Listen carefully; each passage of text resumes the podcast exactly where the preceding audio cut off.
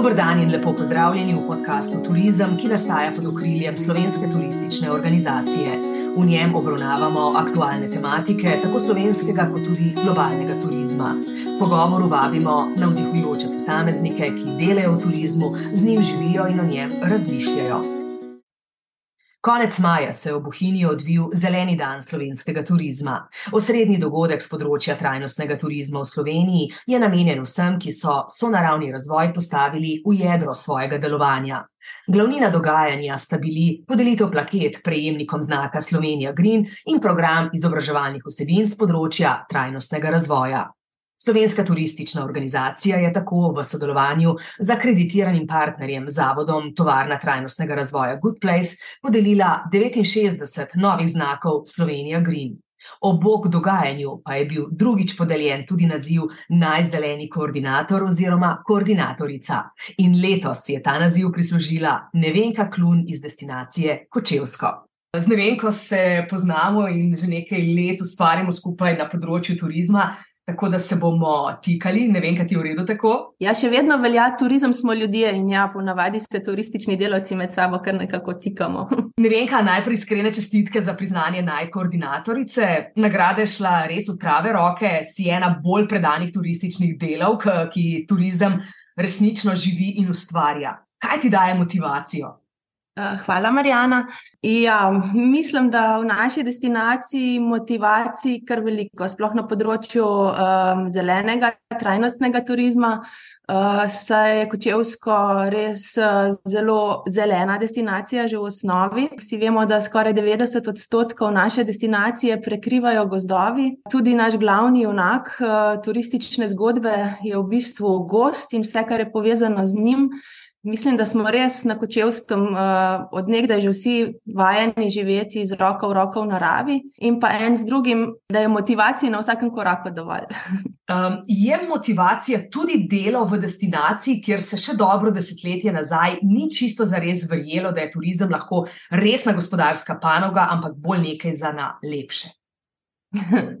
Uh, ja, drži. V bistvu se je organiziran razvoj turizma v naši destinaciji začel dobrih 6-7 let nazaj z ustanovitvijo Zavoda za turizem in kulturo Kočevje. Seveda so tudi prej že obstajali posamezni turistični ponudniki, vendar so delovali nepovezano. Um, Kočevsko, tako kot si rekla, ni bil ravno med prvimi top destinacijami uh, za obisk vidika turizma. Tako da ja, dolgo časa smo spali in zdaj so bili potrebni kar veliki koraki, da ujamemo to uh, luknjo, bom tako rekla, no, na področju turizma. Odlično vam gre. Ne vem, kam mogoče lahko opišem svoje delo zelene koordinatorice in samo zeleno schemo, kot jo vidiš sama, za vse tiste, ki tega naziva in tudi projekta mogoče še ne poznajo.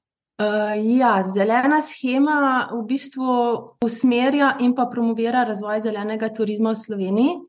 Eh, povezuje vse zelene destinacije in pa ponudnike Slovenije in jih eh, promovira skozi znamko Slovenija Green. Gre v bistvu za nekakšen certifikacijski sistem, ki s pomočjo številnih kazalnikov z različnih področji uh, preverja in dokazuje trajnostno delovanje posamezne destinacije in pa ponudnikov. Zato je zelo pomembna za potrditev trajnostnih prizadevanj celotne destinacije. Torej, da ne samo govorimo, da delamo trajnostno, ampak s pomočjo tega orodja, ki temelji na nekih mednarodnih standardih, prepoznavnih uh, tudi v drugih državah, lahko dokazujemo, da je naše poslovanje uh, zares trajnostno. Mogoče lahko poveš, kako je zelena schema kot taka spremenila destinacijo, pa tudi mogoče, kako konkurenčno je na tujem tržišču. Um, dejstvo, da ste trajnostni in da ste del zelene scheme slovenskega turizma. V bistvu je zelena schema zastavljena tudi zelo usmerjevalno. Se pravi, skozi vse te različne kazalnike na različnih področjih nas dejansko tudi usmerja, ne? nam pokaže, kje, recimo, na katerih področjih imamo še kakšne pomankljivosti, na katerih področjih še lahko kaj naredimo, da bomo poslovali še bolj trajnostno. Pri nas, kot smo prej rekli, smo precej pozno začeli z razvojem turizma, in zelo lepo se je poklopilo tudi to, da dejansko smo pristopili v zeleno schemo, predvsem na začetku našega delovanja, in smo lahko že od vsega štarta v bistvu spremljali vse te usmeritve na področju razvoja, trajnostnega razvoja neke destinacije. Kaj je bilo najtežje na začetku, ko ste orali ledino? Naša občina je z ustanovitvijo zavoda, ko je prepoznala turizem, ugotovila tudi to, da v bistvu imamo zelo malo nastanitvenih kapacitet. In smo rekli, prva stvar, ki jo moramo narediti, ne, se pravi, če se želimo iti turizem, rabimo neke namestitve. Tako da je v bistvu strani uh, občine uh, bil postavljen uh, hostel, in Camp, in smo kot zavod v upravljanje prevzeli tudi te dve namestitvi. Istočasno smo morali pričeti tudi z razvojem in eh, prodajo programov, se pravi, smo bili v neki vrsti agencijski vlogi in z vsemi temi v bistvu dejavnostmi smo konkurirali našim turističnim ponudnikom. Ne. Po eni strani bi morali biti mi tisti, ki spodbujamo, generiramo, um, promoviramo turizem, po drugi strani smo jim bili pa največji konkurenti. In so imeli kar tako mečken. Um, um, bipolaren odnos. Ja, zato ker tudi oni niso. Po eni strani so nas dojemali kot konkurenta, po drugi strani okay, smo jim ponujali roko, da jim pomagamo, jih povezujemo. In ta del, v bistvu presežti to uh, mišljenje, je bil na začetku kar težko. No? Ampak mislim, da z uspešnim delom, z dobro promocijo, z dejansko tem, da smo jim pokazali, da želimo ne, in zmoremo, smo to presegli in zelo super sodelujemo no, zdaj tudi z našimi ponudniki.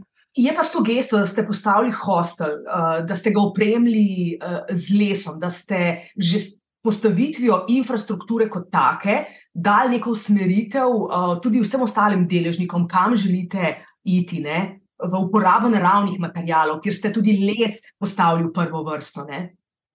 Ja, drži, v bistvu les, gost. Mislim, da je bila pri nas zelo dobra poteza tudi to, da v bistvu smo mogoče mečkaj začeli od spodaj na vzgor, oziroma od zgoraj na vzdolj.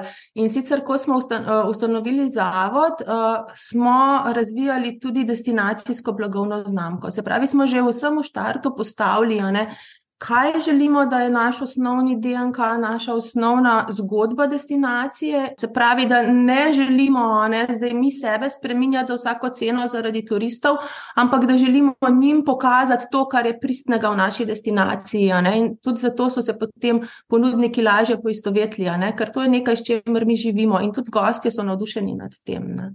Vse to povedano zato, da mogoče bolj jasno razumemo, eh, kako v praksi konkretno poteka tvoje delovanje kot zelene koordinatorice. V bistvu je delo zelenega koordinatorja zastavljeno tako zelo na široko, ne? ker dejansko moraš imeti pregled nad delovanjem v celotni destinaciji.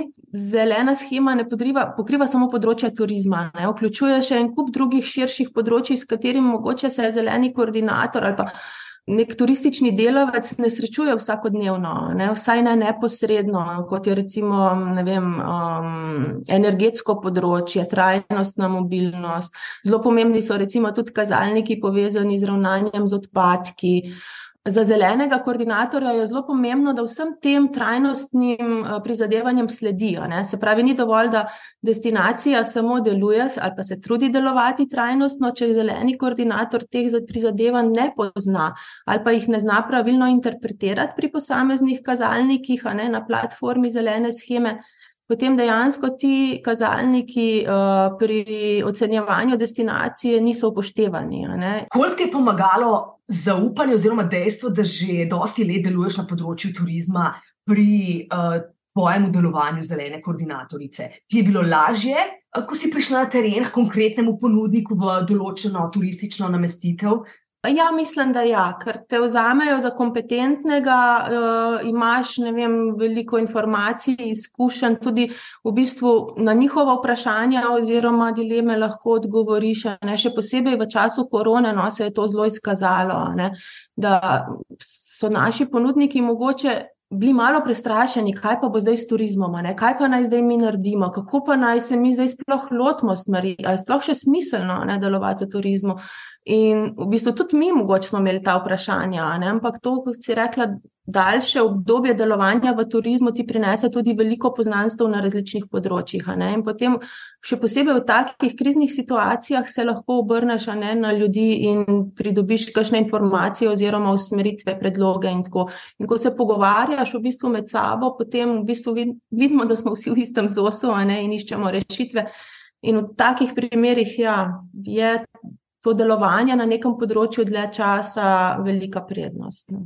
Dobrih šest let, torej že deluješ kot koordinatorica. Kako poteka sam proces od trenutka, ko potrkaš uh, na vrata nekega hotela in jim pomagaš, da grejo skozi celoten postopek zelene scheme? Uh, ja, mi smo v bistvu se lotili tako, ne, da smo lahko sploh govorili, kaj pomeni certificiranje za nekega ponudnika. Ne, ker okay, certificiranje za destinacijo smo dali čez, ampak ponudniki se certificirajo po drugem principu. Ne, se pravi, oni morajo izpolniti, uh, oziroma najprej pridobiti enega od okoljskih znakov, mednarodno priznanih okoljskih znakov. In smo rekli, ok, preden naše ponudnike nagovarjamo, da pristopijo v zeleno schemo oziroma se certificirajo, moramo mi vedeti, kaj to pomeni.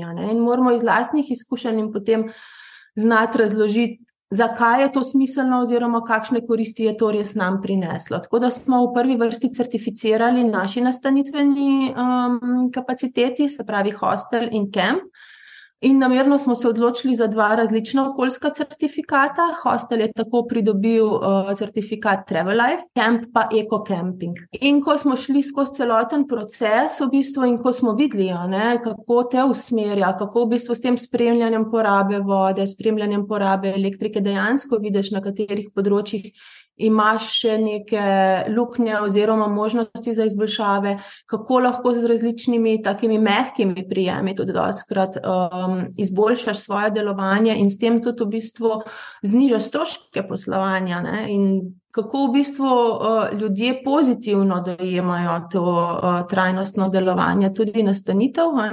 Smo rekli, da ja, to definitivno je nekaj, kar želimo približati tudi našim ponudnikom. Zdaj, sicer na Kočevskem so turistični ponudniki precej majhni, uh, običajno se s turizmom ukvarjajo kot svojo drugo dejavnostjo, ni še dovolj. Um, Ekonomija obsega, tako bom rekla, da bi od tega lahko preživeli 12, 12 mesecev na leto.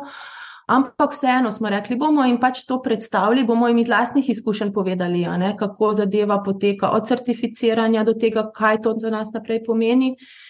Naredili smo takšna izobraževanja, predstavili smo na konkretnih naših primerih in nekaj ponudnikov se je odločilo tudi za certificiranje. Nekateri so mnenja, da je to preveč zapleten in dolg postopek. Kje bi ti poenostavila stvari, kar se tiče um, zelene scheme na terenu? Um, za ponudnike definitivno uh, čim manj administracije. Sploh za manjše ponudnike. No? Zato, ker res pri svojem delu ki je zelo raznoliko in obsežno, težko najdejo čas in energijo še za te stvari. Oziroma se na začetku kar malo strašijo, no, ko vidijo, um, da je kar veliko vprašanj oziroma potrebnih nekih dokumentov. Ne.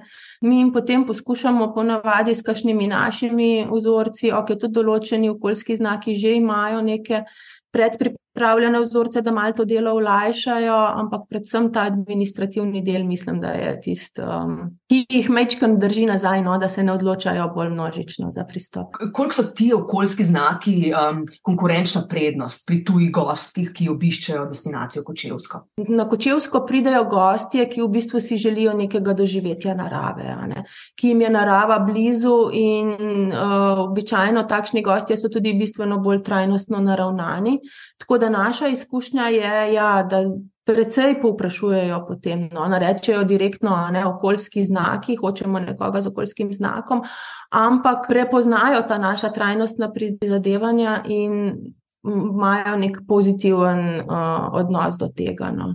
Lepo, da imate uh, angliških turistov, ki praznujejo svoje fantočne na kočevski. ne, takih res nimamo pod črto, vem, kaj se je spremenilo od leta 2016, ko se je uh, destinacija Kočevsko odločila za vstop v zeleno schemo. Kje vidiš na terenu največje spremembe? Pri samih ponudnikih in pri infrastrukturi. Eh, zelo veliko eh, naših ponudnikov se poleg turizma ukvarja še z drugo dejavnostjo, bodi si imajo neko redno službo, bodi si imajo neko ekološko kmetijo.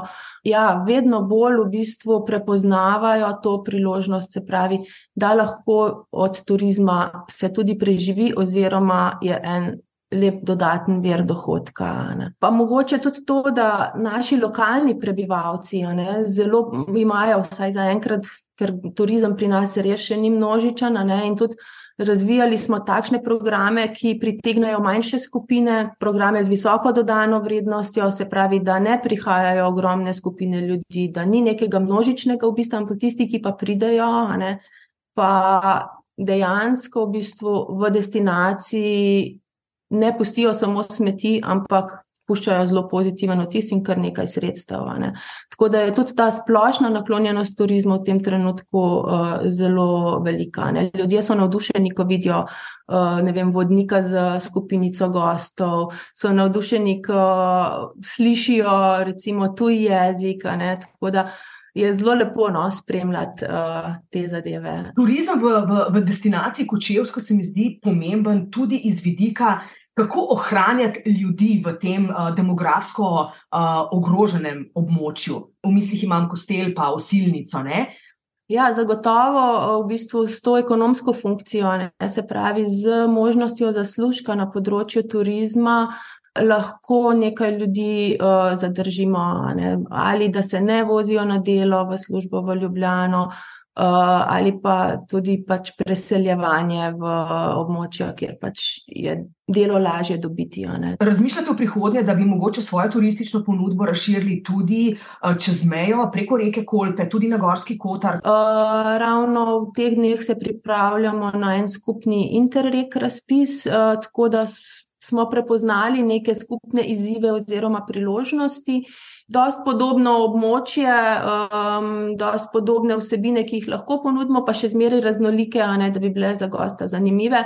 In pa tudi ta navezava potem na uh, tale bazen gostov iz uh, reke, ki je v bistvu v um, skupni destinaciji z Gorskim Kotorjem, a ne je tudi super priložnost v bistvu za dobiti dodatne goste ali pa vsaj izletnike.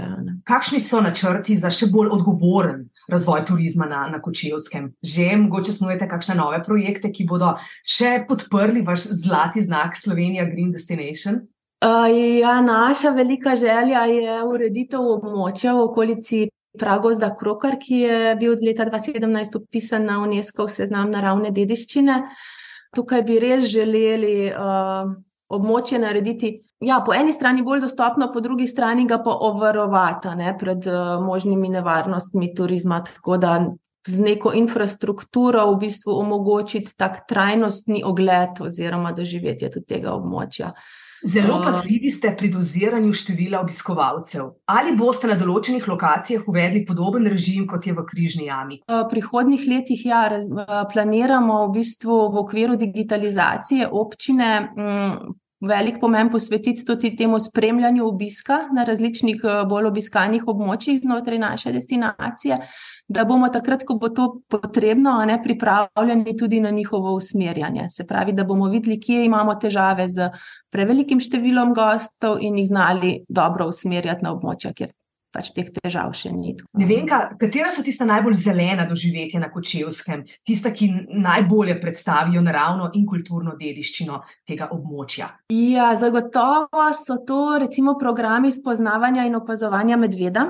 To je dejansko tudi eden od naših bolje prodajanih programov, kljub temu, da je njegova cena zelo visoka, ampak se gosti res um, radi odločajo no, za to doživetje. Razvit je bil v bistvu v sodelovanju z Zavodom za gozdove in pa z biotehnično fakulteto v prvi vrsti z namenom ohranitve medveda. Znano je, da je sprejemljivost medveda pri ljudeh, ki ga dobro poznajo, bistveno boljša. Zato, ker izgubijo ta strah pred njim, ko poznajo njegov način življenja, življenjske navade, vejo, da se ga nimajo. Zakaj bat? Mogoče je to zdaj tema trenutno zelo aktualna v naših medijih, ampak ja, jaz sem v času razvoja teh programov zelo veliko preposlušala različnih strokovnjakov in se veliko bolj bojim klopa kot medveda, no, tako bom rekla. Drugače pa, ko smo se prej pogovarjali, tudi um, doživetje pragozda, ena od takšnih programov, na katerega mogoče bi povabila kot zelo trajnostni, se pravi, vstop v pragost ni dovoljen.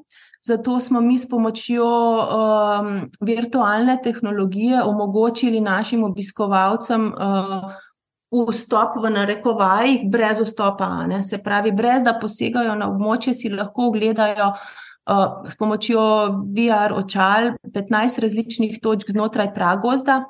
In sicer uh, v takšnem 360-stopinskem posnetku. Imamo pa tudi uh, vse te točke posnete v vseh štirih letnih časih, tako da dejansko goste lahko seznanimo oziroma jih popeljemo v pragost, ne da bi uh, v njega vstopali da je pa potem izkušnja še bolj pristna, pa tudi po urejeni pragozni poti, potem v um, spremstvu lokalnega turističnega vodnika v bistvu.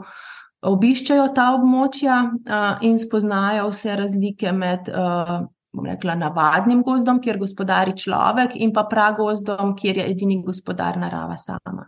In vse to so tisti elementi, uh, ki delajo to vrstna doživetja trajnostna, etična, odgovorna. Ne? Tako, v bistvu ta izobraževalni vidik in pa ta v bistvu ohranjevalni, ne naravovarstveni vidik. Um, pa kolesarjenje. To pri nas je zelo popularno kolesarjenje, se pravi z nizkim ogličnim odtisom, bodi si da je to MTB kolesarjenje v našem MTB Trail Centru, ki velja za enega najboljših v Sloveniji ali pa mogoče bolj trajnostno, ne, ker tle vseeno se nekako šatli vozijo gor in dol, ne, še bolj trajnostno pa te delinske dnevne, pa večdnevne kolesarske ture, kot je naprimer kolesarjenje od Zmaja do Medveda, se pravi od uh, Ljubljane do Kočevja imamo trasirano pot. Ali pa mogoče kakšni večdnevni, uh, tridnevni kočevski kolesarski krok, ki v bistvu zaokroži skozi vse tri uh, občine naše destinacije. In v bistvu obišče vse te najbolj zanimive uh, točke. Rebenka, bi lahko za konec rekli, da je turizem generator boljšega življenja v destinaciji Kočevsko? Živite bolje tudi na račun turizma? Ja, jaz bi rekla, da je eno. Pa ne samo tisti, ki se ukvarjajo s turizmom, ne, ampak mislim, da tudi uh, z željo po razvoju turizma se uh, vzpostavljajo nove uh, infrastrukture, se bolje skrbi za določena območja, in tudi naše ankete, recimo med prebivalci, so pokazale, da so s turizmom zelo zadovoljni. In si samo želim, da tako ostane naprej. Mi pa si samo želimo in držimo pesti, da še dolgo ostaneš na uh, področju turizma. Hvala, Marjana. Z nami je bila Nevenka Klun iz destinacije Kočevsko, ki si je na zelenem dnevu slovenskega turizma prislužila naziv najkoordinatorice. To je bil podcast Turizem, namenjen vsem, ki turizem delate, živite in ustvarjate. Vabimo vas k deljenju epizode in k poslušanju prihodnjega podcasta. Veseli pa bomo tudi vaših predlogov in komentarjev. Srečno, do prihodnič!